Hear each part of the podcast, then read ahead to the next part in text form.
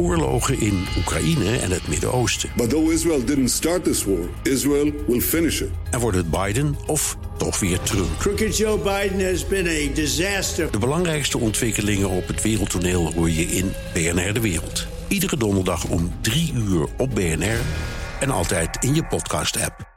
Dit is een podcast van BNR Nieuwsradio. Welkom bij de Technoloog. Ben, hoeveel We eh, zitten op nummer, het 71. En wij zijn de enige twee die dat nog bijhouden. Want het staat niet in de show notes. Maar dat doet er niet meer toe. Wij houden dit vol. We houden dit vol. Ja, en En dat is we een gaan heel het- mooi onderwerp. Een Ja. heel mooi onderwerp. We gaan het hebben over virtual reality. Ja. En daarvoor brengen wij mee Boris van der Ven Top. van Game Kings. Jawel. Dus een gamer. ehm, met warme belangstelling voor virtual reality. Eh, Absoluut. dat zal blijken. Eh, haken we ook aan, aan augmented reality en mixed reality? Dat, Ja, zeker. dat- zeker wel. Ook Ja, dat moet- speciaal in het verlengde. van Ja. Boris. Ja, en ook op vanzelf. Het heeft Ja. Alles speciaal met elkaar te mij. maken. Ja. En wat aan de een niet deugt, deugt aan de ander wel. En omgekeerd misschien. Ja. Ja. Dus ehm, Dat hebben we al een keer gedaan, Herbert, virtual reality. met Michiel Frakkers. Ja, met een, een half jaar geleden. Maar ja, we moeten updates maken. Dus eh, Zeker. En Michiel, die is werkzaam in de virtual reality. Ja, Dus die was belang, natuurlijk. eh, Die had zeker belang. Ja, Maar dat is dus, ook helemaal niet ja, erg. Nee, dat, dat kan natuurlijk ook. Heb jij belangen in virtual reality, Boris, op een of andere manier? Nou, ik heb wel belangen in dat het goed gaat met de gamesindustrie in de breedste Hm. zin van het woord. En ik denk dat de gamesindustrie virtual reality wel heel erg eh, Ja. omarmd heeft. Maar als het, stel, stel dat het slecht gaat in de virtual reality en in de gaming. Jij bent gamingjournalist. Ja. Dan heb je toch ook brood op de plank. Dan kun je het daarover hebben. Ja, tuurlijk. Ik heb ook niet letterlijk. Ik bedoel, als virtual reality morgen de afgrond induikt, dan, ga, dan merk ik daar niks van. Ehm, maar het is meer dat de, de, de vaart die technologische ontwikkelingen hebben, altijd op een of andere manier op een soort van golf van videogames voortsurfen.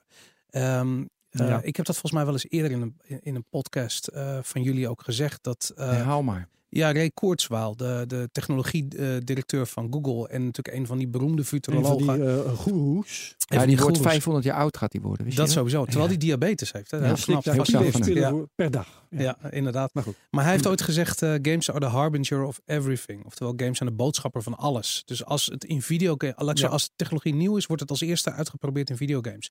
En ik denk dat virtual reality een prachtig voorbeeld is van hoe. Eh, Nou, porno is absoluut ook zoiets. Ja. Alleen eh, porno heeft die naam heel erg vergaard in de tijd van de, van de videoband. Toen, toen film eigenlijk naar de, de woonkamer kwam, toen was porno een van die, van die drijvende factoren. Want iedereen wilde waren ook eigenlijk. de eerste rendabele webwinkels. Dat, ja, dat kan ik me ook voorstellen inderdaad. Ja. Maar goed. de- Maar eh, even heel- over eh, zeg maar gaming. Dus dan zijn het voornamelijk die snelle computers. Dus de graphics zijn veel beter en die gaan later, eh, dus, en die gaan later worden gebruikt. Het vreemde is, het gaat om technologie. Dus je kunt, Ja. zien, eh, je kunt het zien aan bijvoorbeeld de App Store, eh, waar eh, wat gedreven werd door games. Je kan het zien aan YouTube, waar gaming het allergrootste onderwerp is Ja, binnen YouTube. ja. Je kan het zien in de ontwikkeling van kunstmatige intelligentie. Of ehm, Ja, maar vind ik, ik wil dat onderscheid graag maken. Want in de games snap ik, zeg maar, in de, zeg maar, in de App Store dan speel je. Maar ehm, weet je, ik vind onderscheid tussen dat de technologie, dat, weet je, dat je snelle chips moet krijgen voor gaming en dat je een hele goede grafische kaart moet hebben. Dat is een onderscheid met het gebruik. Ja. En kun je me uitleggen wat dan in de, zeg maar, in de snelle grafische kaart en in de snelle chips, wat dan de ontwikkeling is geweest waardoor we dat te danken hebben aan gaming? Eh, nou, een, een heel praktisch voorbeeld. En dat komt omdat ik zit met mijn hoofd nogal in crypto. dat is het minen van crypto. Wat gebeurt op gaming videokaarten.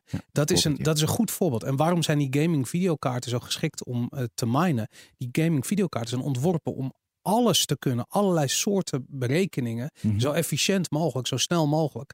Ja, en dus ook het minen van cryptocurrency. Ja. Dus dat is een voorbeeld waarin eigenlijk gaming hardware een nieuwe eh, ja, business definieert. Want ik En- zit, ja, sorry. Nee, nee. Nee, ik zit te denken aan toen Paul Malaki met de Oculus Rift 2011. Dat was dus dat hij nu beschikking had over heel veel schermen. Want de mobiele telefoon werden de schermen goed en veel goedkoper. Dat was één. Tweede, sensoren. Nee, dus de, dus de sensoren waren, waren beter. En drie, dat de computer power toen voldoende was en goed. En daardoor kwam, kwam hij met de Oculus Rift en daardoor was het ineens een hype. Dat Ja. zijn de drie elementen. Of- vergeet ik nog iets? Eh, nou, eh, laat ik zo zeggen.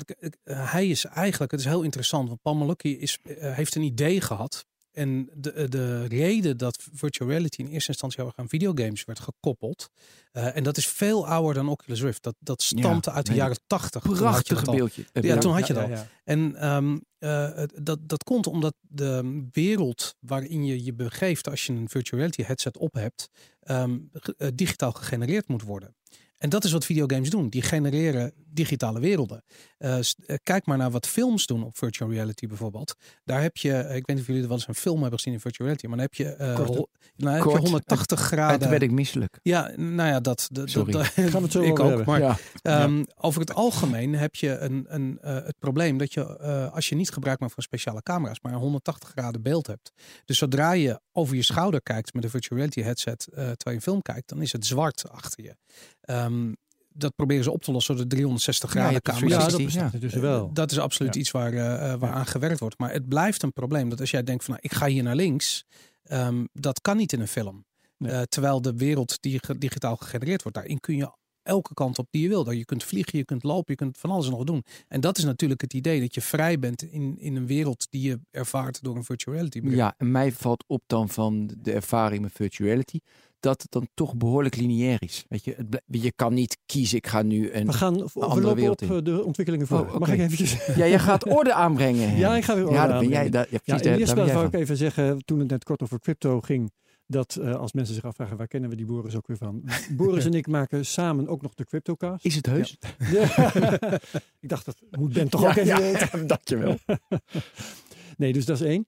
Ehm, en verder eh, wou ik even vermelden dat dit, ehm, eh, deze aflevering van de Technoloog is eigenlijk ontstaan doordat eh, ik een ehm, stuk tegenkwam in CNET. Ja. Online eh, nieuws eh, website over ICT en dergelijke. waarin eigenlijk afscheid werd genomen van virtual reality. Ja. Dus daar werd, eh, werd een hele reet- reeks nadelen van virtual reality opgesomd. Ik ben het daar dus helemaal mee eens. Jij bent er helemaal. Maar we gaan dat eventjes eh, Ja. van begin af aan eh, ik opbouwen. niet, dus dat komt mooi uit. Je bent het er niet mee eens. Mooi zo. Tof. Mijn vraag dus inderdaad aan Boris zou in eerste instantie zijn: eh, klopt het dat virtual reality op doodsporen zit? Maar dat vind jij dus. Ja, dat vind ik eh, eh, om een aantal redenen. Ten eerste, ehm, we hebben een aantal commerciële projecten gezien rondom virtual reality. PlayStation VR is denk ik de meest commerciële daarvan. Was de meest betaalbare set die uitkwam. Eh, daar heeft Sony eh, ja, eigenlijk dankzij de VR-hype er nog 2 miljoen van verkocht. Eh, maar het project is nagenoeg dood. Als je met investeerders praat die actief zijn in de gamesindustrie, dan zeggen die unaniem, we investeren niet meer in, eh, in virtual reality projecten. Of ze hebben het al nooit gedaan, of ze beginnen er niet meer aan. Ehm, je ziet dat eh, het onderzoek wat er gedaan is aan mensen die een VR-set hebben gekocht, eh, daarin blijkt dat ze de ervaring eh, vinden tegenvallen. Maar het ergste is, de, ehm, eh, de hoeveelheid games die ze kopen is extreem laag. Vaak kopen ze een VR-set voor één specifieke game, proberen misschien nog iets en dat was het. En dan gaat die hele set gaat weer in de verpakking onder Ja. in de kast. En dat is iets dat is dodelijk voor een, voor een videogames platform. Ja.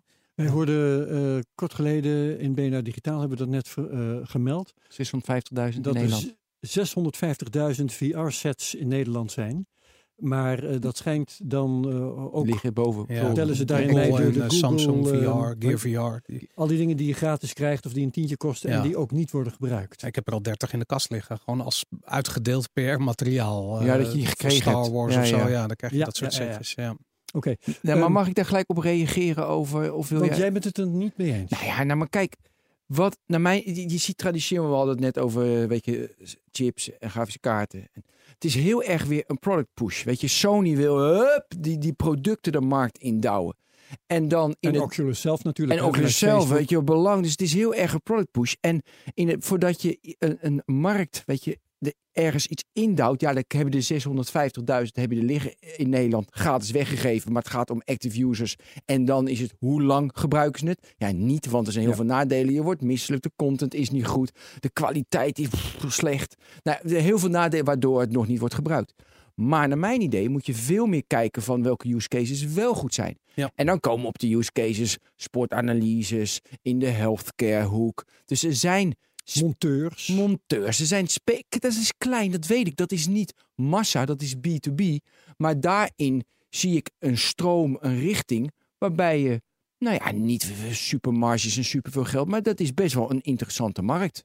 Niches? Ja, Boris? n- n- nou ja, kijk, het, het, eh, het gaat om de drempel. Dus hoe hoog is de drempel om die eh, doos uit te pakken, de computer te kopen die je nodig hebt om die, om die beelden op dat scherm te En toveren? dat is ook een nadeel. Hè? Die computer is, Is vrij duur. heftig. die is duur. Die, Die- daarvoor nodig is. Dan heb je minimaal 1000 euro aan Ja. videokaarten. Sommige fabrikanten dat, eh, brengen er een uit die in een rugzak kan, hè, zodat je nog je Oh, kunt ja. bewegen. Wauw. Ja, HP Maar ge- onder andere. Maar stel, maar die drempel, daar gaat het om. En, en als eh, wat het jou oplevert om die drempel over te gaan en die kabels aan te sluiten en dat Ja, het is gedoe, dat wil je niet. Dit is vreselijk. Dus, ah, maar ja, goed, als er daar iets tegenover staat wat meer oplevert dan dat, dat de hoofdpijn oplevert, ja, Ja. tuurlijk, dan, dan wordt het gebruikt. Maar eh, jij, gebruikt, jij zegt van nou, kijk, de niches hebben het al omarmd. Ik denk dat. Nee, je- Nou ja, die- goed, daar zie je, het, daar zie je het kan- gebruikt worden. Ja, Maar eigenlijk zou je het moeten omdraaien en zeggen van alleen in de niches gaat het ooit werken. Want Ja. de massa gaat never nooit Nou, met die doos maar aan. waarom? Want eh, eh, massa, als we even zeggen, gaming is de massamarkt waar je het eigenlijk zou willen zien functioneren. Ja. Waarom is VR niet geschikt voor gaming? of voor de massa. Weet je, dat is interessant. Ja, Of niet geschikt voor de massa? La- Dat- nou, ik denk, dat is, hoe denk jij het, dat is het tegenstrijdige. Ik denk dat VR heel erg geschikt is voor gaming. Dat is het eh, nare. Ik denk dat alles wat er mis is met VR heeft te maken met de technologie. Maar niet met het gegeven dat je je, je echt bijna letterlijk begeeft in een, in een digitale wereld. Het heeft, die ervaring is fantastisch. Ik bedoel, de eerste keer dat ik een VR-headset op had. En toen speelde ik een game. Ik weet nog, was op een beurs in Los Angeles. En ik speelde een game en die was door een indie-ontwikkelaar gemaakt. En die game heette The Sticks. En het ging over de, ehm, hoe eh, eh, bepaalde culturen de overgang van het leven naar de dood vormgeven door het oversteken van een rivier. Mooi. En dat deed je. Oh. Dus je zat op een boot en je ging eigenlijk van het leven naar de dood en hoe dat eruit zag. Nou, het was allemaal vrij abstract, maar ik, ik keek om me heen en, ik, en mijn mind was blown. Echt waar, ik vond het fantastisch. En ik zette het af en, en ik vond het geweldig. En eh, ik was daarover aan het praten en ik realiseerde me al vrij snel. Een van de redenen waarom ik het zo geweldig vond, is omdat alles al aangesloten was. Ik hoefde daar alleen maar te gaan staan en die bril op te zetten en het te ervaren. Want toen ik mijn eerste VR-headset thuis had, toen merkte ik wat ik nodig had aan kabels. Wat ik no dat mijn PC, aan- de games die ik wilde spelen, liepen niet eens. Omdat Ja. het gewoon te veel vroeg van die set.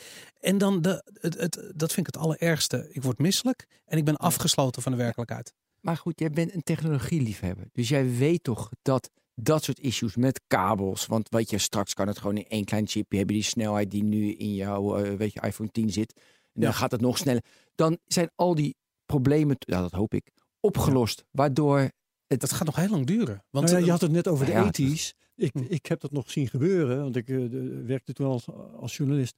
Eh, die headsets die ze in de 80s nodig hadden, dat wil je niet weten. Dat waren complete aquaria. Ja. Want die hadden dus voor het linkeroog en voor het rechteroog een buizen-tv. ja, vet. Ja? Dus een, dat is inderdaad een vet, ja. Dan had je ook een antenne op je hoofd. Waarschijnlijk Gewoon wel, ja. omdat het kan. Ja, daarom stond er een robot die dat ja, echt een euro een, een soort integraalhelm had je dan op je kop. Ja. En daarin dan een kon je hele stroom vette opzetten. kabel uit waar Ja. eh, power door moest worden aangevoerd en data moest worden aangevoerd. Ja. Ja. de hele mikmak. Ja. Dat was, en, maar dat probleem hebben we grotendeels al voorop. Het is nu nog maar een duikbril in plaats van een integraalhelm. Ja, Dus maar we wat gaan je de goede kant op. Maar het afgesloten zijn van je sociale omgeving Dat is een groot probleem. Ander Ja. element. Maar waarom Ja. vond jij dat op die demonstratie dan geen probleem? Eh, omdat er, er was geen sociale omgeving. Er stond een Amerikaanse PR-dame die me de headset aangaf. En ik zat niet met mijn vriendin op de bank eh, eh, te kijken samen naar een, een, iets op tv Ja. of whatever. Ehm, op het moment dat ik thuis die set aansluit en naast me zitten andere mensen, Ja. die zijn totaal geen onderdeel meer van die beleving. Maar nou maak ik even van mezelf een kruising tussen Ben hier en Michiel Frakkers. Hè, die is eh, in de VR Want hij zit in de film ook. en- hè? hij en- maakt en VR daarvoor is- ja. En dan zeg ik die sociale omgeving, joh, dat komt ook vanzelf goed. Ja. Want eh, straks heb je niet alleen jij zo'n ding op je kop, maar je vrouw ook. En wie er verder maar aanwezig is.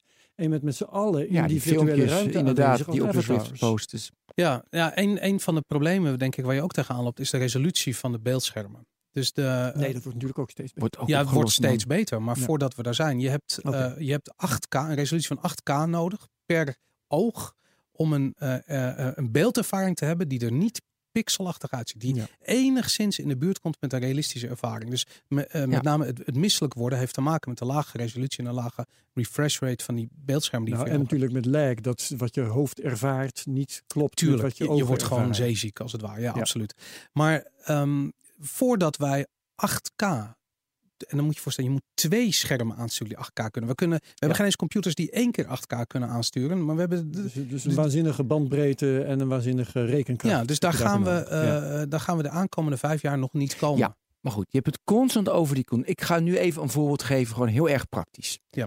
Je hebt eh, mensen die, die, kunnen, niet- die hebben iets aan hun vaat in hun benen en die kunnen niet wandelen. Mhm. Heel kort. Dan hebben ze gewoon een virtuality game gemaakt tussen aanhalingstekens. Dan loop je in een bos. En dan loop je in het bos en dan zie je ineens een olifant. En dan denk je, hé, een olifant. En dan zie je daarna zie je een giraf. En daarna zie je een blauwe bank. En daarna zie je een blauw... En doordat ze dan wandelen op een loopband met die bril op, kunnen ze verder lopen dan dat ze normaal ooit zouden lopen. Dit vind ik een hele praktische toepassing die met virtuality nu gebeurt. En dan denk ik van, ja, nou, top. En Ja. dan, dan hoeven ze maar 10 minuten te wandelen, want dan hebben ze voldoende ge- eh, gewandeld. Een therapeutische toepassing. Een therapeutische toepassing. dus. En dat en- werkt echt. En dat werkt. Met, eh, nou, dat is een ander voorbeeld met, eh, met, ook in de healthcare met PTSD. Weet je, je hebt een trauma opgelopen, Precies. een ongeluk. En dan krijg je andere beelden krijg je voorgeschoteld. Het leger doet dat, hè, geloof ik. Ja, het leger doet dat Ja. bijvoorbeeld. En dan hoef je niet, eh, inderdaad, dat aansluiten is al gebeurd. Het is gewoon hok, het is allemaal, staat het klaar. De Ja. patiënt tussen aanhalingstekens komt binnen, maar niet Ja. tussen aanhalingstekens. Duidelijk professioneel ook. Hè? Dat is een Ja. groot verschil met wat Boris net vertelde. Nou, dat en je zelf die... daarom- Je bent de drempel al over op dat Ja. ogenblik. Nou, en ik zie dus deze ontwikkelingen, en dan kan ik in de sport natuurlijk, weet je wel, met eh, dat je voetbalanalyses maakt, kan ik een voorbeeld. Dus je hebt allemaal dat, zeg maar, eh, business toepassingen heb je, staat alles klaar. Daarin leer je heel veel, daardoor gaat het steeds beter worden en dan worden de computersnelheid wordt beter en, eh, en de schermen worden beter en, en, weet je, en de resolutie. En dan hebben we over tien jaar dat we wel zo kunnen gamen. Is Ja. dat een roadmap die jou aanspreekt of zeg je van, oeh, ik zie het nog wel heel Nee, veel beren? want ik vind namelijk het idee van VR klopt heel erg. En het, het, je geeft de voorbeelden waar, waarin eigenlijk, waar dat, je bent daar al die drempel over. En dat is oké. Maar het raar is wat we zien aan VR, en dat is waar die artikelen vandaan komen van ja, we zijn eigenlijk, eh, eh, die cycli kloppen niet meer. We zijn vastgelopen in VR. Dat is dat Facebook eh, heeft Oculus gekocht. Het bestond twee jaar. Eh, dat bedrijf was gewoon in een experimentele fase. Ze hadden ja. erin moeten investeren, 2 maar ze hadden miljard voor betaald. ja, dat hadden ze nooit moeten doen. Ze hadden er 500 miljoen in moeten investeren om Ja. eh, ze te laten ontdekken wat die technologie kan doen. Maar ze hebben het gekocht en ze dachten, mensen gaan met zo'n bril op zitten Facebooken of een e-mail checken Nou, of wat dan ook. Over, over die, use, die gebruikservaring wil ik het graag hebben. Uh-huh. Want was dat nou heel... Even, ja, mag, ja, wa- was dat raar? Want ik heb die filmpjes gezien bij de F8, ik denk twee jaar geleden. Toen dacht Max Zuckerberg echt, weet je, je zet hem op. Iemand anders komt ook in je virtuele wereld. Je brengt iemand naar Londen. Je brengt iemand naar eh, New York. En dan beleef je samen dat je in Londen en New York Ja. bent. Best wel heel raar, want Facebook is typisch asynchroon. Ja, klopt. Toch? En Ja. toen dacht hij, eh, de Oculus Rift ervaring, dus met Oculus Rift dat je elkaar ontmoet in een virtuele wereld, dat wordt het nieuwe sociale netwerk. Ja. Ik, dat vond ik gelijk al gek, maar ja, wie ben ik? De, Nou, Mark veel mensen vonden weet- dat gek hoor. Ja, nou, Max Zuckerberg niet. En Nee. die weet het, want die heeft... eh, Nou ja. Die heeft nu- er 2 miljard gestoken. Ja. Ja, en die die heeft al nu, meer vergissingen gemaakt, pardon. nou ja, nu is hij nog steeds 400 miljard is zijn bedrijf waard. Wel 100 miljard minder, maar goed. Ander onderwerp. Maar wat vond jij? Ja, dus meerdere mensen vonden dat raar. Maar hoe, hoe komt hij daar dan op? Dat, ik vroeg hij- hem dat constant af. Kijk, ik, die eh, ik, ik heb laatst had ik een, eh, heb ik een, ehm, een, een, een interview gehoord, was ook een podcast toevallig. En het ging erover dat eh, mensen dat soort eh, iconische CEO's, hè, vaak Amerikaanse bedrijven, allerlei eh, eigenschappen toedichten die ze helemaal niet hebben. Ze zijn vaak heel goed in één ding. Kijk, wat er gewoon gebeurd is, Mark Zuckerberg heeft een VR-headset op zijn hoofd gehad. En hij had zoiets van, wow, dit is vet. Kopen die handel, want het kost maakt niet uit. Maar ik- jij inderdaad. ook, maar je had Wat- toevallig geen 8 miljard. Ik, de 2 miljard, ja, ik had Twee het niet inderdaad. En anders, wie weet. Maar dat is je eerste ervaring. En vervolgens ga je pas nadenken over de dingen die eigenlijk die massa-adoptie in de weg staan. En daar is hij nu inmiddels wel achter gekomen. Ehm, eh, met het dramatische dieptepunt van dat eh eh, Paul ook is vertrokken bij Ja. Facebook. Wat Een rare gast is dat, hè? Die hebben wel een rare uitspraak had die voor mij ook gedaan, heb ik Ja, gelezen. het, Ja. Beetje Trump, Ja, Trump fan en en zo. ja. Ja. Nou ja, goed, maar, maar hoe dan ook, hij is de, de, de creatieve geest geweest die dat die VR moest gaan ontdekken. Wat het is, wat de use cases zijn, wat de technologie kan doen. Hij heeft het verkocht, hij heeft gecashed. Ja. En van, van Mark Zuckerberg hoef je het niet te verwachten. Dus, Ja, Boris, heb jij een verklaring eh, dat... En toen begon de hype, hè? En iedereen ging erin mee. Sony, HTC, Google, iedereen ging erin mee. Ja. Hebben, we, eh, hebben ze elkaar gek gemaakt? Nee, dit is- Welke dit is partij ging niet mee? Of is dat logisch? Dit- Of is het nodig om sneller die snelle processoren te hebben en om een versnelling te krijgen in de technologie? Hoe, Nee, het is gewoon sales. Het is gewoon sales. De, eh, eh, je Ja. zag het bijvoorbeeld ook met eh, de 3D met die brilletjes. Weet je dat nog? Dat je van die een, een blauw glas en een groen glas. En dan had je Ja. een soort 3D-effect op je televisie. In gaming werd dat echt gebruikt. Dus dat, ja, dat is een fantastische feature. En iedereen gaat een nieuwe tv kopen dankzij dat. Sony wilde dat heel erg. Dus die had het heel erg hun PlayStation developers gedwongen om die techniek in te bouwen. Rood-groen en met Polaroid, dat- varianten. dat zijn er inderdaad, ja. Ja.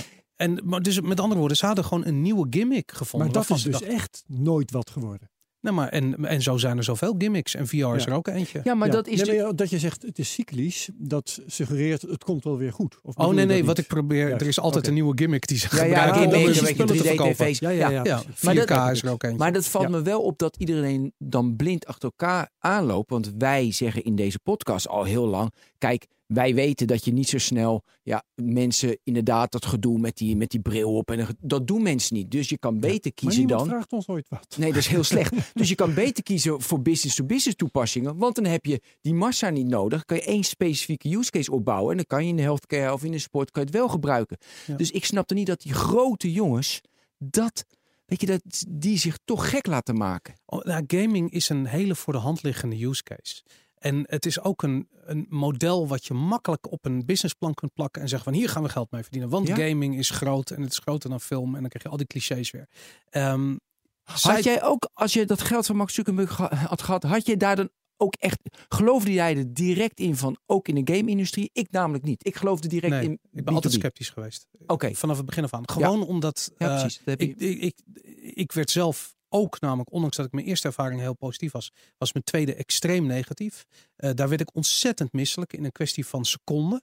Eh, dat heb ik nog een paar keer gehad. Toen heb ik met een paar experts gesproken en die zeiden dat ik, ik behoor tot de 3,5% van de mensen die niet tegen VR kunnen. En ook niet, je, als je het heel veel doet, weet je, dan ben je eraan. Nee, je bent Ja. niet. Het enige wat kan helpen is eh, ja, een, een ervaring die lijkt op de werkelijkheid. Dus Ja. eh, de, de resolutie moet omhoog, de refresh rate moet omhoog. En je moet ook echt kunnen lopen. Hè, want als je Dat in helpt ook, VR ja. gaat voortbewegen en je doet het met een joystick, terwijl je op je stoel blijft zitten, Ja. ja. dan krijg je die misselijkheid. Ja. Maar, maar dat eh, gaat dus niet. Want je ziet wel eens mensen eh, met de VR-bril op een of andere game doen of wat dan ook. ja, in een studio-achtige ruimte. Ja. Maar ja, vroeg of laat knal je tegen de muur op. Ja. En dan is er iemand nodig om, Mhm. dat, om je daarvoor te behoeden. Dat is allemaal Om nog maar niet te hebben over de kabels die je aan je eh helm hebt hangen. verstruikelt. Ja. Dat, ja, dat Ja, kan helemaal maar niet. d- dat komt dus echt niet goed. Nee, nee. eh, VR in gaming kan werken omdat ja, je kunt die wereld zo mooi en zo uitgebreid maken als je wilt. Maar dat voortbewegingsprobleem, dat blijf je houden. Ja, nou ja, de- eh, niet helemaal. Kijk, het idee is namelijk, ehm, het idee achter virtual reality is dat het makkelijk is om die twee schermen voor je ogen te plakken. En dat ehm, eh, is leuk, maar dat is niet per se de definitie van virtual reality. Want het idee dat die schermen misschien wel niet voor je ogen zitten, maar ergens anders plaatsvinden. En even, ik, ik heb het niet over praktisch ideeën. Wat bedoel je daarmee? Nou, stel je voor dat, de, dat de, de ruimte waar wij ons nu in bevinden, waar deze podcast is opgenomen, stel je voor dat die helemaal digitaal zou zijn, helemaal digitaal gegenereerd. Dan heb je het ook over een, over een virtuele werkelijkheid waar je op dat ogenblik in bevindt. Mhm. Je Oh, wordt zo. niet meer Ja. misselijk. Je kunt gewoon vrij, eh vrij daarin bewegen. En dat is echt interessant. En dat is namelijk waar de. Waar Dus de- dat ik niet hier ben, maar thuis. Dat jij niet hier bent, maar in jouw thuis. bijvoorbeeld. En dat ben. Maar wij staan mij, hier met z'n allen in deze, eh, in deze ruimte. En misschien staan wij wel allemaal in exact, exact dezelfde ruimte in, ons, in onze studio thuis. Ik zeg maar wat. Ja. Ehm, eh, wat gewoon een, een, een, een kamer is met een bepaalde. Maar ik vind dat persoonlijk omvang. vrij ver gezocht. Nou, dat komt, wa- waar het vandaan komt, is Star Trek. Eh, Ja. En Star Trek he- baseert altijd, alles wat je in Star Trek ziet, wordt gebaseerd op bestaande theorieën. Mhm. En eh, in gaming is de heilige graal, dat is de holodeck. Eh, van Star Trek. En dat is dat je, eh, je staat in een ruimte, je activeert het programma en hop, je staat in een veldslag met de Romeinen waar je ook nog eens een keertje aan deelneemt. En dat is, ehm, ja, dat is letterlijk eh, de heilige graal voor videogames. Echt die totale onderdompeling Ja. in een alternatieve werkelijkheid. Dan heb jij, heb jij dat filmpje, nu weet ik, weet ik niet of het de HoloLens was of de Oculus Rift, voor mij de HoloLens, gezien dat je met kinderen kan spelen op afstand. Met die bal. Hij ging onwijs viral, dat filmpje. Dus mensen staan in een ruimte, camera's erop. En dan wordt diezelfde ruimte is ergens anders bij iemand thuis. En dan kon een man die dan ver weg is, die kon dan met zijn kind spelen. Ja, Voor mij was de HoloLens. En ja. eigenlijk is, dit, eh, is dat het principe. Ja, nou, nou, wat ik interessant... Kijk, de HoloLens is ehm, augmented reality. En dat is eigenlijk een digitale laag over de werkelijkheid die we ervaren. Ze noemen En- het toch mixed reality. Nou, dat is mixed wat mixed reality is, dat is eigenlijk nog een stap verder. En mixed reality is dat de digitale eh, elementen interactie hebben Ja, ja. met de werkelijkheid. Daar gaan we het straks Ja, over gaan we straks hebben. over hebben. Maar ik wilde even... Nee. Eh, ja, oké. Maar, maar dat, dus wat jij nu eh, zegt, dat is de, daar, daar zie Dat je al van. ultieme. Ja, omdat het ons niet lukt om die, om, die, om die ruimte waarin we ons bevinden digitaal te maken, Ja. gaan we maar de werkelijkheid nemen en dan gaan we daar Ja. wat digitale elementen aan toevoegen. Maar wat, ehm, eh, als het erom gaat, eh, zouden wij eh, deze podcast kunnen opnemen door thuis te blijven en eh, in een of andere 3D-wereld eh, te stappen? Daarvan denk ik nou juist weer dat dat, nou als dat al zou lukken, pas in een hele verre toekomst. Want dan heb je eh, hele goede ver- eh, verbinding nodig. Waarom komen wij hier bij elkaar? Er worden genoeg po- podcasts opgenomen via Skype en dergelijke. Ja. Omdat je dan Mhm. drie personen krijgt in drie verschillende geluidskwaliteiten die alle drie slecht zijn. Daarom staan we hier dus echt wil Ik denk niet dat dat is. Ja, maar dat is Dus het. Kijk hoe we elkaar aankijken. Ja. Ja, wij- En je bewegingen ziet maken. mijn beweging de hele tijd. Daarom, ja, nee, maar Ja. dat is heel belangrijk. Dus dat En is het verschil. Het dat, is niet kan je, dat kan je pas imiteren in VR als ehm, op jou een camera staat bij jou thuis. Waars- waarschijnlijk meer camera's zelfs, want je moet in 3D moet je hier binnenkomen. Bij mij thuis Acht moeten camera's meerdere camera's staan. Nou, ja, reken maar uit wat dat dan bandbreedte kost. Aan Heerlijk, want dan kunnen we, nog, en dit en dat. kunnen we dat nog Maar- meer... Maar die, dat- 3D studio moet gebouwd worden. Maar wat je eigenlijk zegt, en dat is heel interessant, waar het, eh, eh, je, je gaat ervan uit dat je heel veel bandbreedte nodig hebt om al die data ergens doorheen te sturen. Ja. Maar dat is de hele, eh, het hele interessante aan videogames. Op het moment dat jij al jouw data al in een device zit. Ehm, dus stel je voor, ik heb jou, nu heb ik bijvoorbeeld jouw telefoonnummer. Dan heb ik Mhm. ook automatisch je WhatsApp gegevens. Stel je voor dat eh, eh, ik van jou jouw data heb, wat jouw eh, eh, 3D aanwezigheid ergens zou kunnen reproduceren. Dan hoef ik alleen maar door te krijgen van nou, Herbert eh, eh, beweegt zijn rechterhand of zijn linkerhand. Oh, ja. Ehm, ja, en dan, dan heb je namelijk niet meer die data nodig. En dat Dus is dan heel. heb je een digitale Herbert heb je al eh, staan ergens. Die is er al. Een soort, en die hoeft alleen nog maar in Ja, een soort hologram. Maar dat is waar Ja. Facebook naartoe wou uiteindelijk. Omdat zo. Facebook weet al alles van je. Ja. Dus je digitale Maar data. dan zeg ik nog steeds, dat is ver weg, want dan moet dat ontwikkeld worden. Tuurlijk. Ik maar wil- als een soort hologram, eh, dus dat bedoel je met een hologram. Dus ik heb dan een hologram van Herbert thuis. Dus wij hebben een virtuele studio met... Het hangt gewoon in de klerenkast. er, zijn, er zijn natuurlijk heel veel toepassingen. Maar ik wil, we zijn nu gewoon puur aan het filosoferen Ja. waar die Ja, techniek oké. heen zou gaan Maar gaan, dan, maar- dan wil ik nog even over filosoferen toekomst. Eh, Ready Player One, daar moeten we het dan even over hebben. Ik heb de film nog niet gezien, maar het boek natuurlijk wel gelezen, Ja. een paar jaar geleden. Leg me even uit. Oh, eh, Ready Player One, eh, dat, is, dat speelt zich af in t- 2041. De, de, de wereld is doomed en eh, er, er is het echte leven speelt af in een virtuele wereld. En dan, eh, en dan is er een prijsvraag en dan, want die man die dat heeft ontwikkeld, ISIS heet het. Ja, ik heb de film natuurlijk niet gezien. Ja, ik het is lang geleden dat boek. ja, eh, maar het boek is lang geleden, dus ik moet even terughalen. En dan is er een prijsvraag, want dan kan je die hele wereld overnemen. 80 miljard winnen, geloof ik.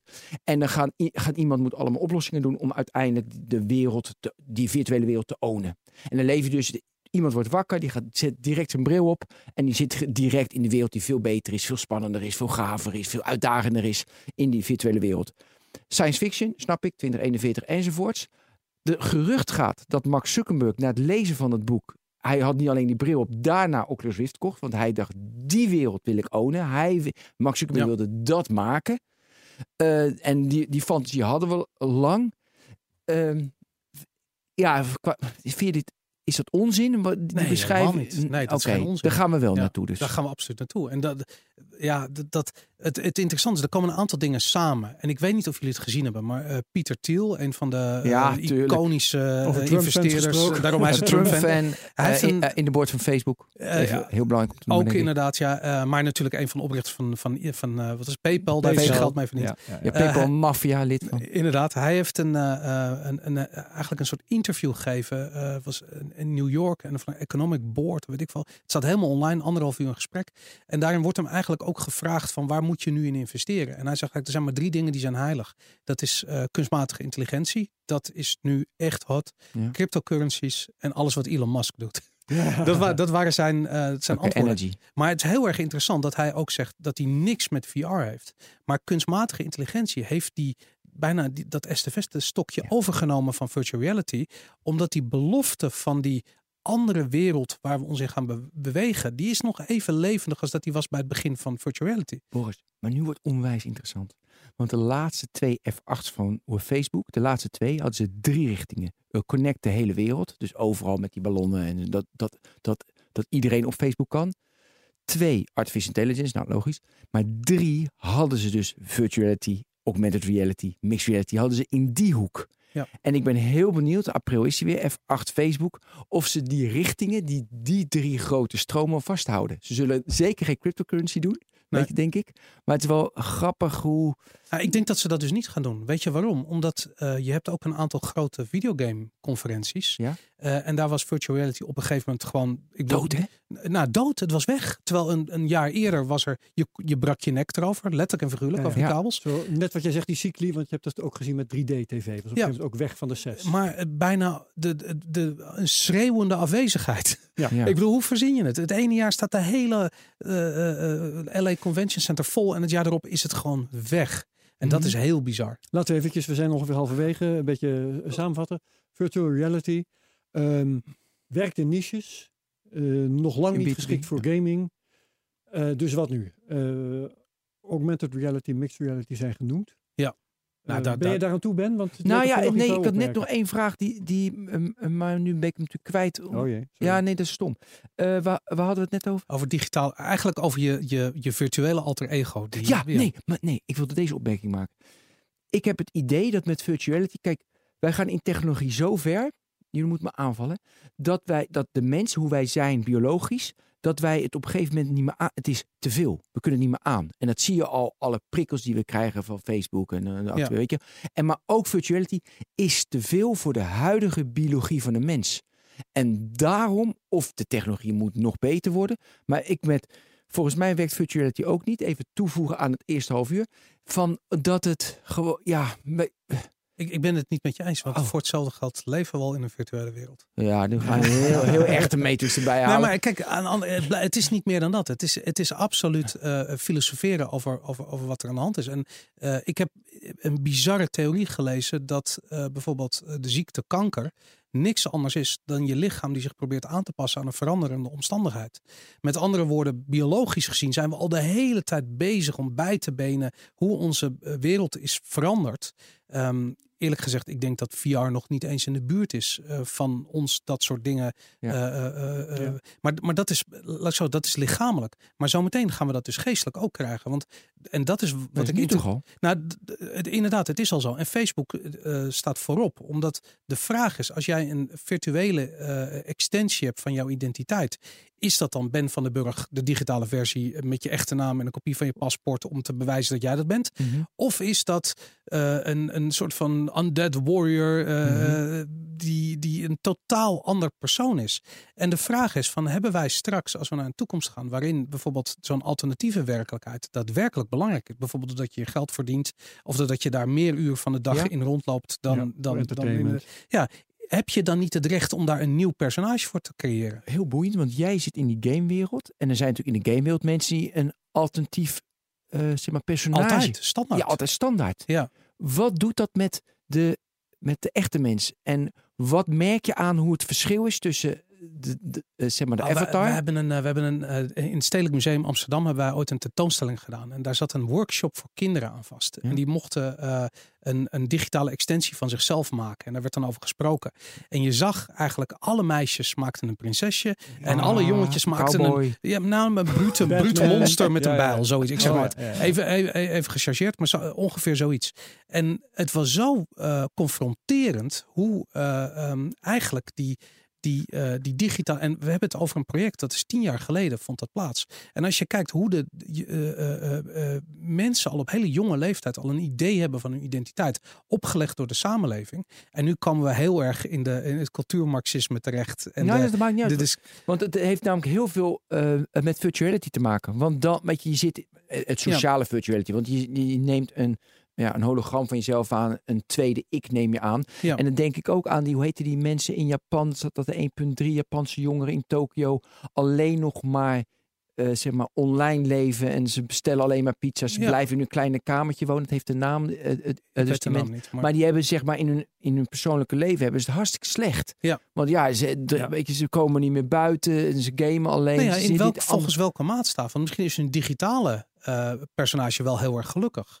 Omdat, en ik kan me voorstellen, juist in een maatschappij waar die, waar die, die, die, die structuur zo heftig is. Ik bedoel, je kunt er bijna niet uit. Dan ga je vluchten naar zoiets. En daarom is de, de filosofie van Ready Player One natuurlijk interessant. Want daarin gebeurt dat. Is, Ja. de, is de virtuele wereld mooier. Maar dan is het natuurlijk, wat doet doet het met je echte ziel? En ik denk dat onze biologie daar nog niet aan toe is. Dat zie je aan de psychische problemen als mensen te veel Facebook en Als al het er nu niet aan toe is, is het er nooit aan toe. Hè? Want die biologie die Dat gaat heel zo snel. langzaam. Hè? ja, dat duurt toch Dan krijgen we een andere aftakking Maar van... ben jij het er daarmee eens? van de Nou, ik, ik, wat want- ik nu, wat ik eigenlijk, ik, ik heb er, ik, ik ben voornamelijk gefascineerd aan wat je nu ziet, dus de discussie of je een hij bent of een zij of een gender fluid, whatever. Ik bedoel, het, het maakt mij niet zoveel uit.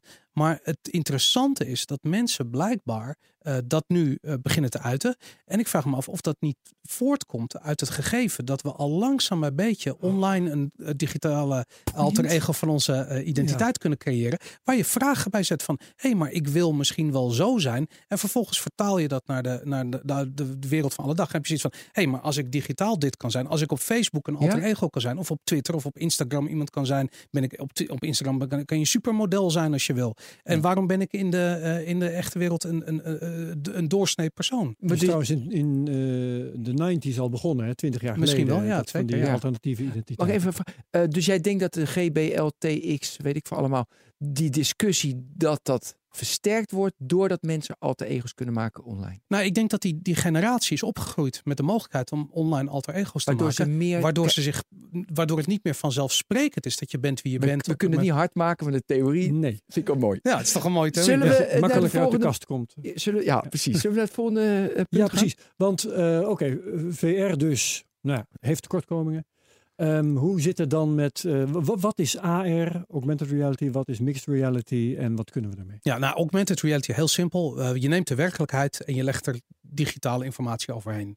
Eh, in gamen zie je dat bijvoorbeeld bij Pokémon eh, Go een, een gigantisch succes geworden. Eh, je kijkt op je mobiele telefoon, je ziet een plek in de werkelijkheid en daar plaatst de app of de game een, een, een Pokémon bovenop. Ja. Nou, die Pokémon heeft geen interactie met de werkelijkheid, want had hij dat wel, dan hadden we het over mixed reality. Oh, zo, dat is het verschil. Ja. ja. Dus Als het alleen maar er is, dan is het augmented reality. Daarom. En als het reality, als het interactie heeft. Nou, en wat ik zo interessant, als je kijkt naar het developmentproces van een videogame, dan zijn ze soms jaren bezig met het maken van de digitale wereld, hè, waarin die game zich afspeelt. Als je een game als Grand Theft Auto neemt, nou, een gi- gigantisch stuk van eh, Los Angeles of eh, eh, Nagebouwd. Californië Ja, nagebouwd. budgetten Ja. even noemen, is leuk een bedrag volgens mij, ze hebben net toevallig bekendgemaakt dat er 6 miljard is binnengehaald met die game. En hij heeft 100 miljoen gekost om te maken. Ja. Maar goed, jaren en jaren Heerlijk. werk. Maar wat nou ehm, als, de, ehm, als je niet meer die wereld hoeft te maken, maar je neemt de wereld zoals die eruit ziet. Maar die actie die zich in-game plaatsvindt, bijvoorbeeld dat er iemand uit een gebouw komt lopen en er is een bankoverval geweest en een, en een En vliegtuig dat is stort vaak neer. nog leuker ook. Absoluut. Ja. Vooral omdat het nieuw is. Maar, je- Ja. maar je- dus even eh, vooruit naar de toekomst. Je hebt een bril op, een brilletje. Niet, niet een ding wat je afsluit van de werkelijkheid, maar gewoon brillenglazen waardoor je kijkt naar de werkelijkheid. En En aan je, je- medespelers. Daarom. En je ziet dat verhaal zich ontvouwen eh, op straat. En je ziet een digitaal personage een bank uitkomen rennen en zich is mooi, verstoppen Maar achter goed, dan ga een je auto. zwaaien met de knuppel en dan raak je iemand die er echt is. Nou ja, waarschijnlijk schiet je met een, eh, eh, eh, een, een, een, een, een Ja, soort van denkbeeldig Een ding dat wapen maar werkt Ja. in de Nou, digitale wereld. hebben we het in 2004 in Tokio zag je mensen met een telefoon Ja, een, golfbeweging maken. En ik had van, hè, wat voor beweging maken jullie? Waren ze aan het golfen op een mobiele telefoon? Dus daar moest ik aan denken toen je Hoe raar was het toen je voor het eerst mensen met een headset zag bellen? Dat Ja. ze zo'n Bluetooth Ja, dingetje in hadden ook. en dat ze in dat het praten waren. Kijk, uiteindelijk zijn we de hele tijd bezig met dat soort wennen aan dat soort ontwikkelingen. Dus dit gaat ook wel gebeuren. Alleen wat er voor nodig is, en dat is het interessante van eh, eh, mixed reality, is dat je kunt pas een digitaal personage interactie laten hebben met een echt object als dat echte object is gescand en 3D gemaakt is. Ehm, en je kunt zeggen van oké, eh, eh, er is een bedrijf wat bijvoorbeeld heel Amsterdam in kaart brengt en daar speelt die game zich af. Google. Bijvoorbeeld. Eh, maar absoluut, zeker dat dat, dat dat een van de redenen is waarom ze dat aan het doen zijn. Maar je zou ook kunnen zeggen van je zou een device kunnen hebben die in staat is om in slechts enkele seconden een omgeving helemaal te digitaliseren. Ja. En dat is er al. Dat is het Ja. bizarre. Dat is de HoloLens. Eh, nou, de HoloLens, eh nee, scant niet. Nee. Nee, de, Nou, wat de HoloLens wel doet, en dat vind ik, een, vind ik altijd zo'n schattig voorbeeld. Je bent in je eigen huiskamer. Ja. En de HoloLens kan op een plek waar niks is, eh, kan hij een, eh, een schilderij of zelfs een werkende televisie eh, eh, projecteren. Ja, maar, maar wel een soort van dat het weet van hier is ongeveer de tafel. En je kan het schuiven. Dus stel Ja. je voor dat wij een, eh, ik zit met Minecraft, Een schaakspel. bouwen of zoiets. Ja. Dan, dan kunnen we dat zeggen van hier is de tafel. En dan schuif je het een beetje, kan je het wat hoger, wat lager, totdat het goed aanvoelt. Hm. Maar HoloLens zelf scant niet eh, 3D Oké. die, die omgeving. En dat is eigenlijk de truc om iets te hebben die in, ik bedoel, in een seconde, dat alles wat hier in deze ruimte is, dat het 3D gescand is. En dat er achter eh, dat scherm wat je voor je neus... een een project van Google dat dat deed? Tango? Ehm, Ja, die dat scant, zou best ja, wel kunnen, ja. die scant het snel, maar het is meer voor plaatsbepaling. Ik, ik heb een, eh, eh, een aantal jaar terug al, dit is al best wel een tijd geleden, misschien wel een jaar of zes, zeven terug, is er een, eh, iemand bij ons geweest, die was groot fan van GameKings. En die werkte voor een bedrijf wat in opdracht van Defensie bezig was om iets te ontwikkelen. En ik had zoiets van, nou, dat is, dat, is, dat is science fiction, dat kan echt niet. En eh, hij zei, nou, kom gaan een kop koffie drinken. En hij komt bij ons langs. En hij klapt een laptop open, hij zet een kastje neer. En binnen eh, twee minuten volgens mij was de hele kamer gescand, 3D. Kon hij het gewoon helemaal eh, laten zien. Hij zegt van, zo snel werkt dat. Maar daar moet dan de gameplay in komen. Ja, zij deden Daarna. dat specifiek. Stel je voor dat je eh, voor Defensie werkt en ze gaan op missie. eh, ik zeg maar wat mariniers gaan op missie naar een of ander oorlogsgebied. Zij droppen eerst een pot die daar in eh, een paar uur tijd de volledige omgeving gescand heeft. Ehm, en zij kunnen in een virtuele omgeving de situatie alvast oefenen. En dat, daar zijn ze al heel ver. En nemen ze een bril op.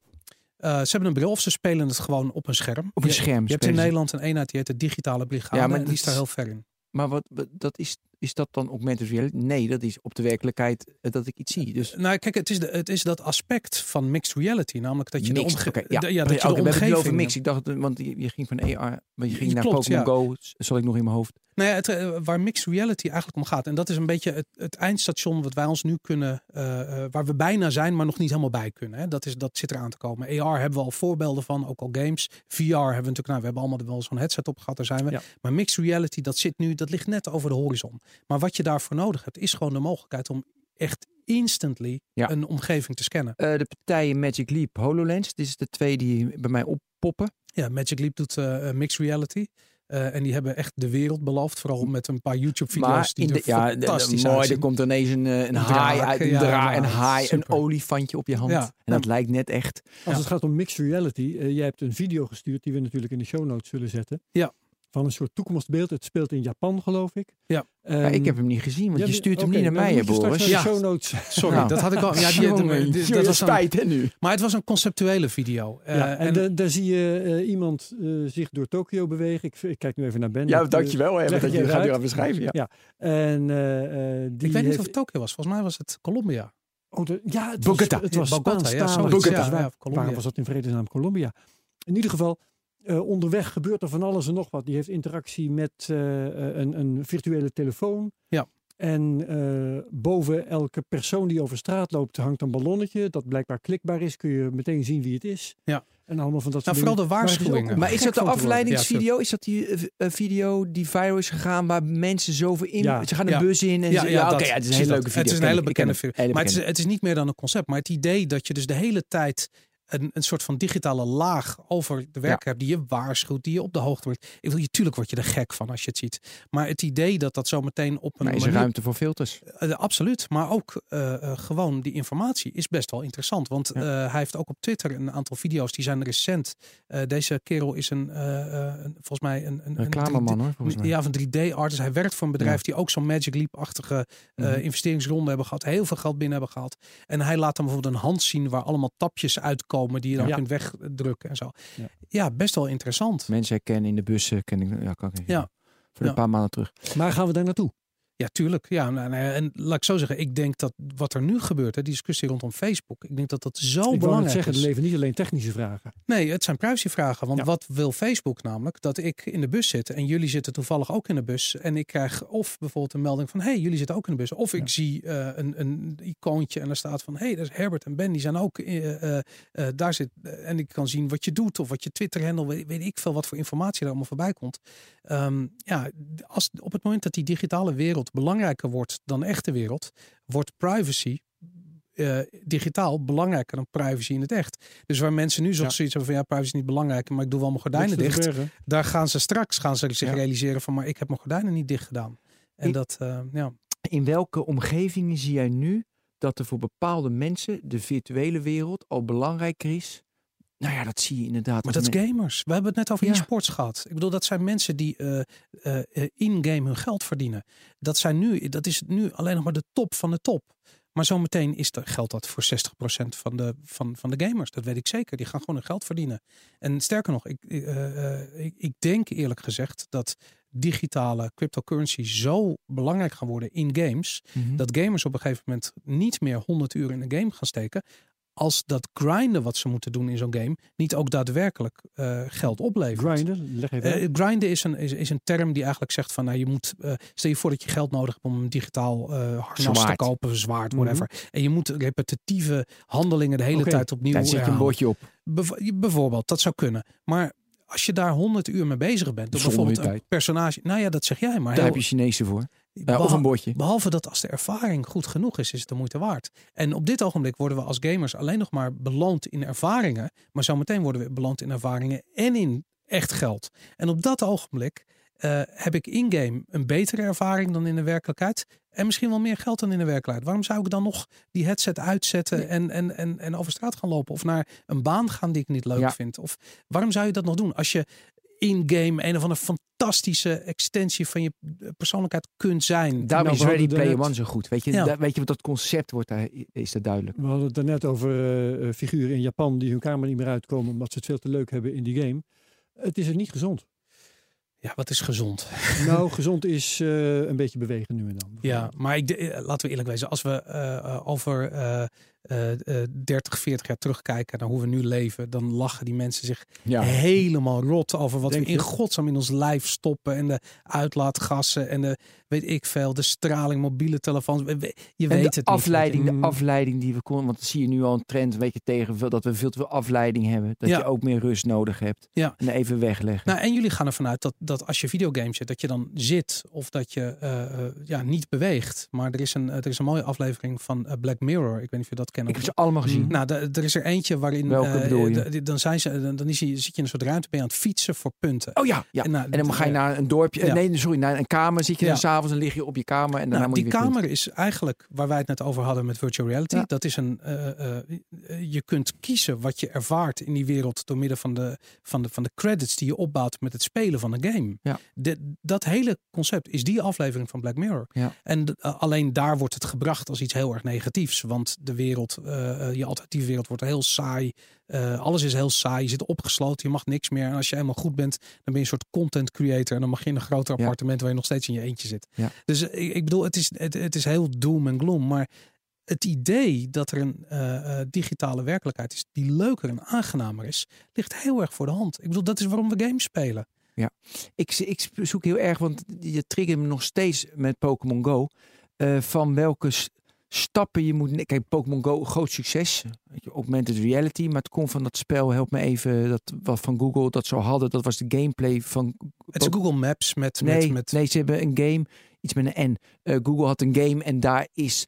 Dat hadden ze genomen voor Pokémon Go. Nou, Oh, dat weet ik niet. ja, ik ben de naam even kwijt. Oké. En nu iemand minder mooi. Nou, gelukkig weten jullie het ook niet. Maar het is natuurlijk heel in- interessant waarom dat wel werkt. En dat was natuurlijk dat de brand goed was. Ja. En dat omdat die gameplay al twee jaar was uitgewerkt met dat spel van Google. Ja. Eh, dat een heel groot merk, heb ik al gezegd. Maar dat, De dus beloningen, de game de, de ja. de- ja, precies. Eh, Dus de gameplay waren, eh, was goed. Ja. En eh, dat ving. En het momentum. Mensen waren op. Weet je, want de jongeren Pokémon Go kennen we van vroeger. En die waren dan net 20, 21, 22. En daardoor eh, eh, dus kwam het. Dus ik vind. Weet je wat we nu noemen? Wat je, die, al die voorbeelden is heel erg toekomst ver weg. Ja. Je hebt elementen als Pokémon Go nodig om weet je, meer een stap te maken. Ja. Toch die koop van eh, Mark Zuckerberg op de Oculus Rift heb je toch nodig om weer een stap te maken.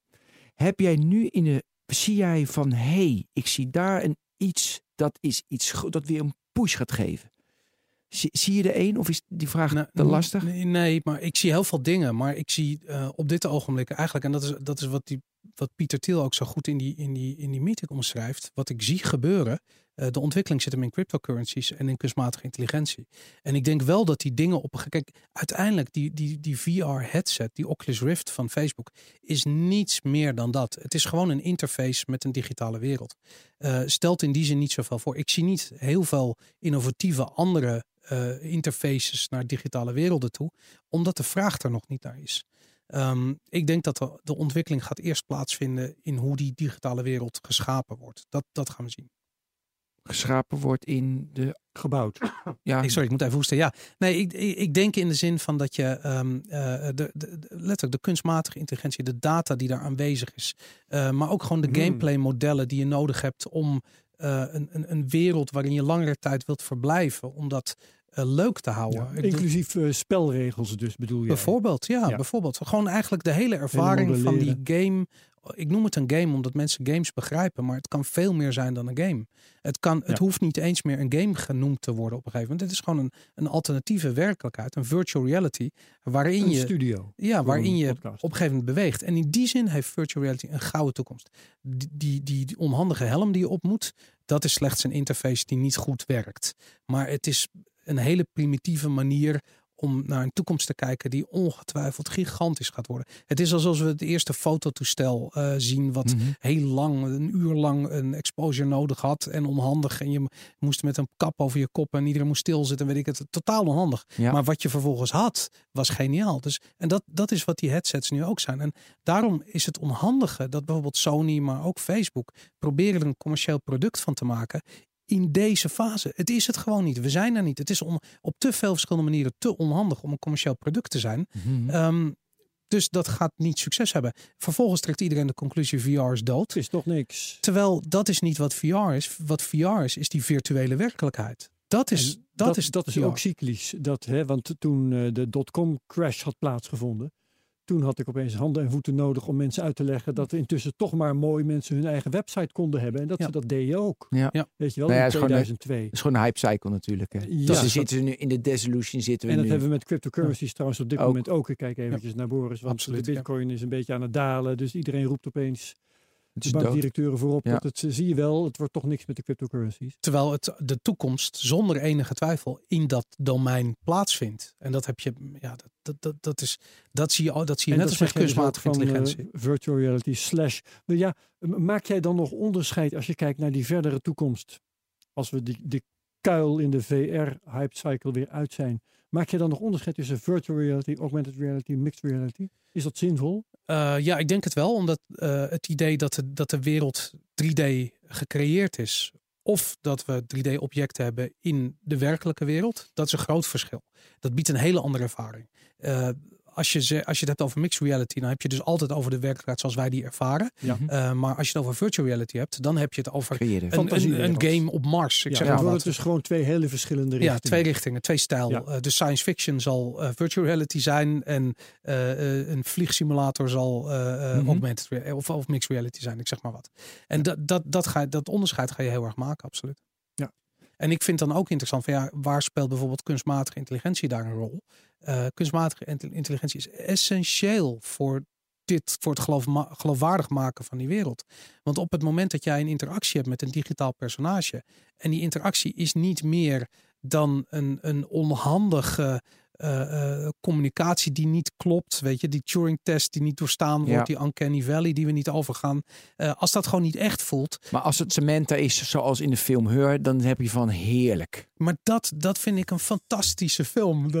Geniaal je daar even naar beneden zakt ja, op die nee, stoel. Ja, ik, nee, ja, ik schreef het zo goed dat ik helemaal naar beneden zak op Ja, de stoel. Nee, Heur was geniaal. Nee, maar dat is wel leuk hè, dat Ready Player One zo het beeld schetst van hoe de virtuele wereld moet. Ja. En Her schetst natuurlijk het beeld hoe, augment, eh, oh, sorry, hoe artificial intelligence zou moeten zijn. Behalve dat Heur eigenlijk ook virtual reality is. Het is alleen niet een visuele vorm van die werkelijkheid. Het is een, een audioversie van die werkelijkheid. Maar hij is nog wel virtueel. Hij past niet binnen de definitie die wij hanteren van VR.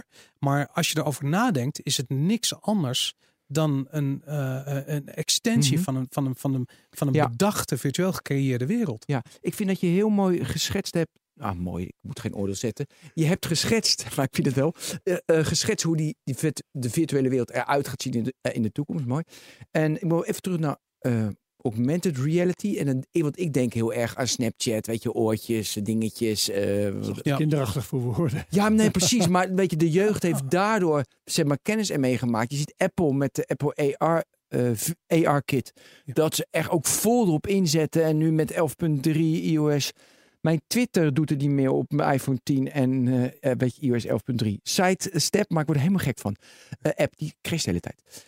Eh, Bizar. bizar. Maar goed, eh, dus op 11.3 de AR-kit een update. Dus zie jij dat we dat nodig hebben om naar die VR-wereld te gaan? Of zie jij de AR-wereld met die leuke dingetjes allemaal met een helikoptertje? Het is een beetje een banaal, maar ik, ik denk, het is net als toen mensen net Twitter hadden. En toen waren er heel veel mensen die Hallo, niet ik Twitter ga hadden. eten. Ja, moet je dan delen dat je op de wc zit of dat je cornflakes zit te eten? Ik bedoel, ja, het zijn banale voorbeelden van een techniek die veel meer in zich heeft dan dat. En, en dat is, heb ik met die oortjes ook. Ja, tuurlijk, dat is een beetje banaal. Maar aan de andere kant, ja, als dat is wat mensen doen, dan laat het ze doen. En Ja, vervolgens een paar groeit het wel naar iets anders Ja. toe. Ja. Ja, maar die- dus de, de, eh, dus de mix heb je uiteraard, maar de echte AR. Dus echt van een laag over de echte wereld. Dus ik heb straks een bril op en ik, ja, dat is eigenlijk dat, eigenlijk dat filmpje wat jij net, eh, Ja. wat we net aanhaalden. Mhm. Dan heb je dus die bril op of een lens in.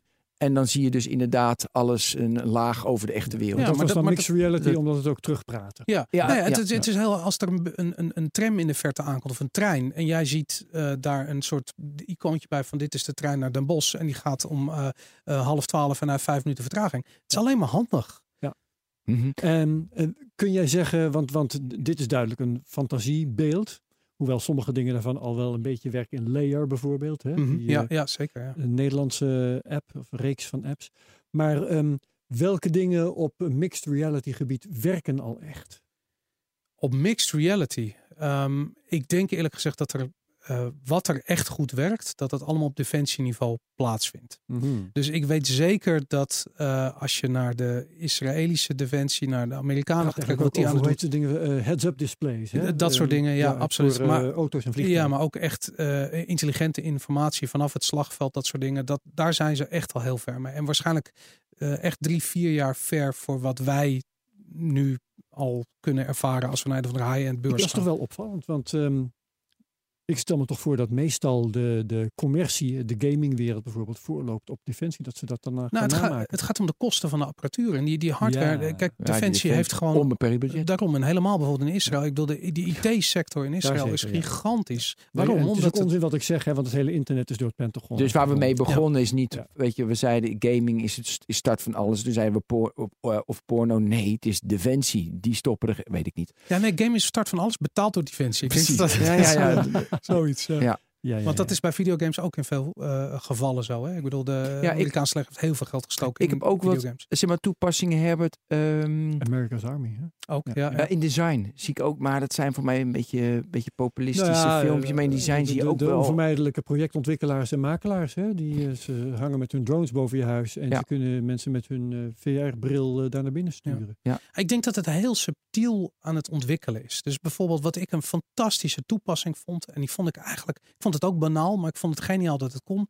Dat is dat ik op een gegeven moment, eh, IKEA heeft zijn volledige eh, inventory of alles wat ze, wat ze verkopen. hebben ze 3D gemaakt. Briljant hoor. Ehm, en eh, in een soort open formaat wat Ja. iedereen Kun kan je gebruiken. in je eigen huis. Nou ja, hoe, Ik heb het getest. Het is echt, het is echt geweldig. maar het werkt al als je Ja, een je keuken echt wil die IKEA bestellen. app. Je moet echt IKEA app even downloaden, mensen. Ja. Om te testen hoe dat werkt.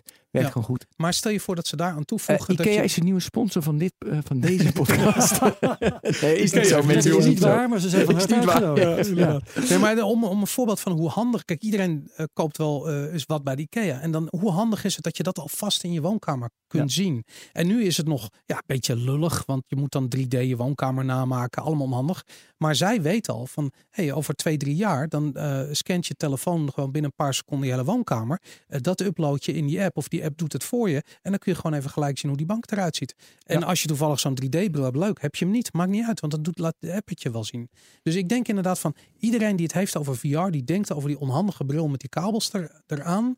Maar ik denk dat we. Nee, we, gaan, we zijn eigenlijk. Of we, zijn er, we hebben dat eigenlijk al losgelaten. En dat is dat nieuwsbericht wat jij ook las. Van, eh, eh, ja, we zijn aan het einde van een cyc- cyclus, cyclus eh, als het om VR gaat omdat die definitie van VR klopt niet meer met waar we naartoe gaan. Dus die bril is niks meer dan een onhandig ding. Dat moet veel kleiner en veel handiger worden. En dan, dan, dan gaan we hem weer gebruiken. Maar dan zijn de toepassingen zijn al veel verder. En dan, dan maakt het weer sens. En nu is het scheef gegroeid.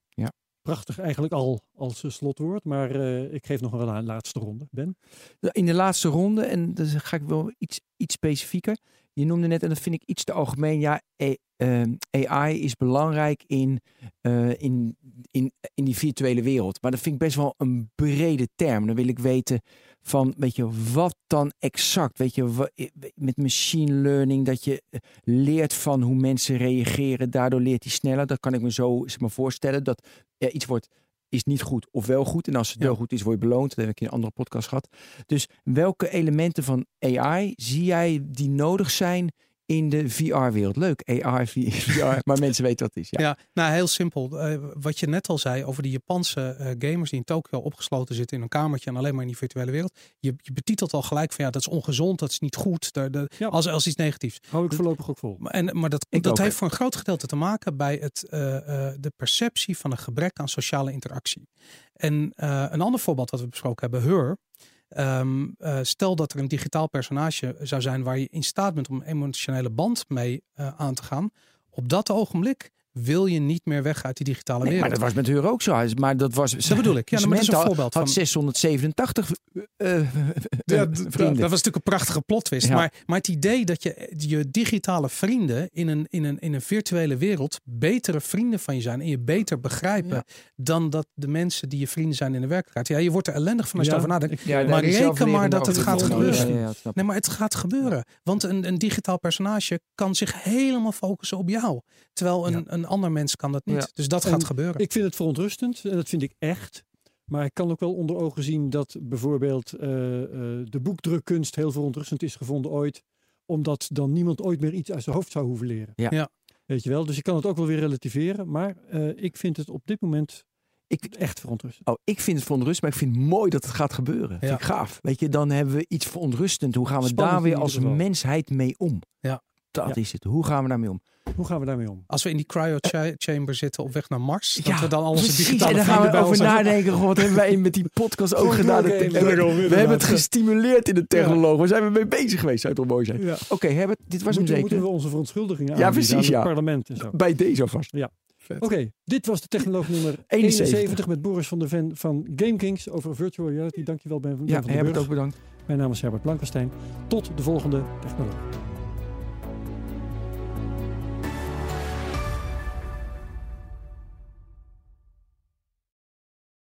Ook Liesbeth Staats vind je in de BNR-app. Ja, heel handig. Luister live naar Kees en mij tijdens de Daily Move. Dan blijf je ook gelijk op de hoogte van breaking news en het laatste zakelijke nieuws. En daar vind je ook alle BNR-podcasts, waaronder de Perestrooikast. Download nu de gratis BNR-app en blijf scherp.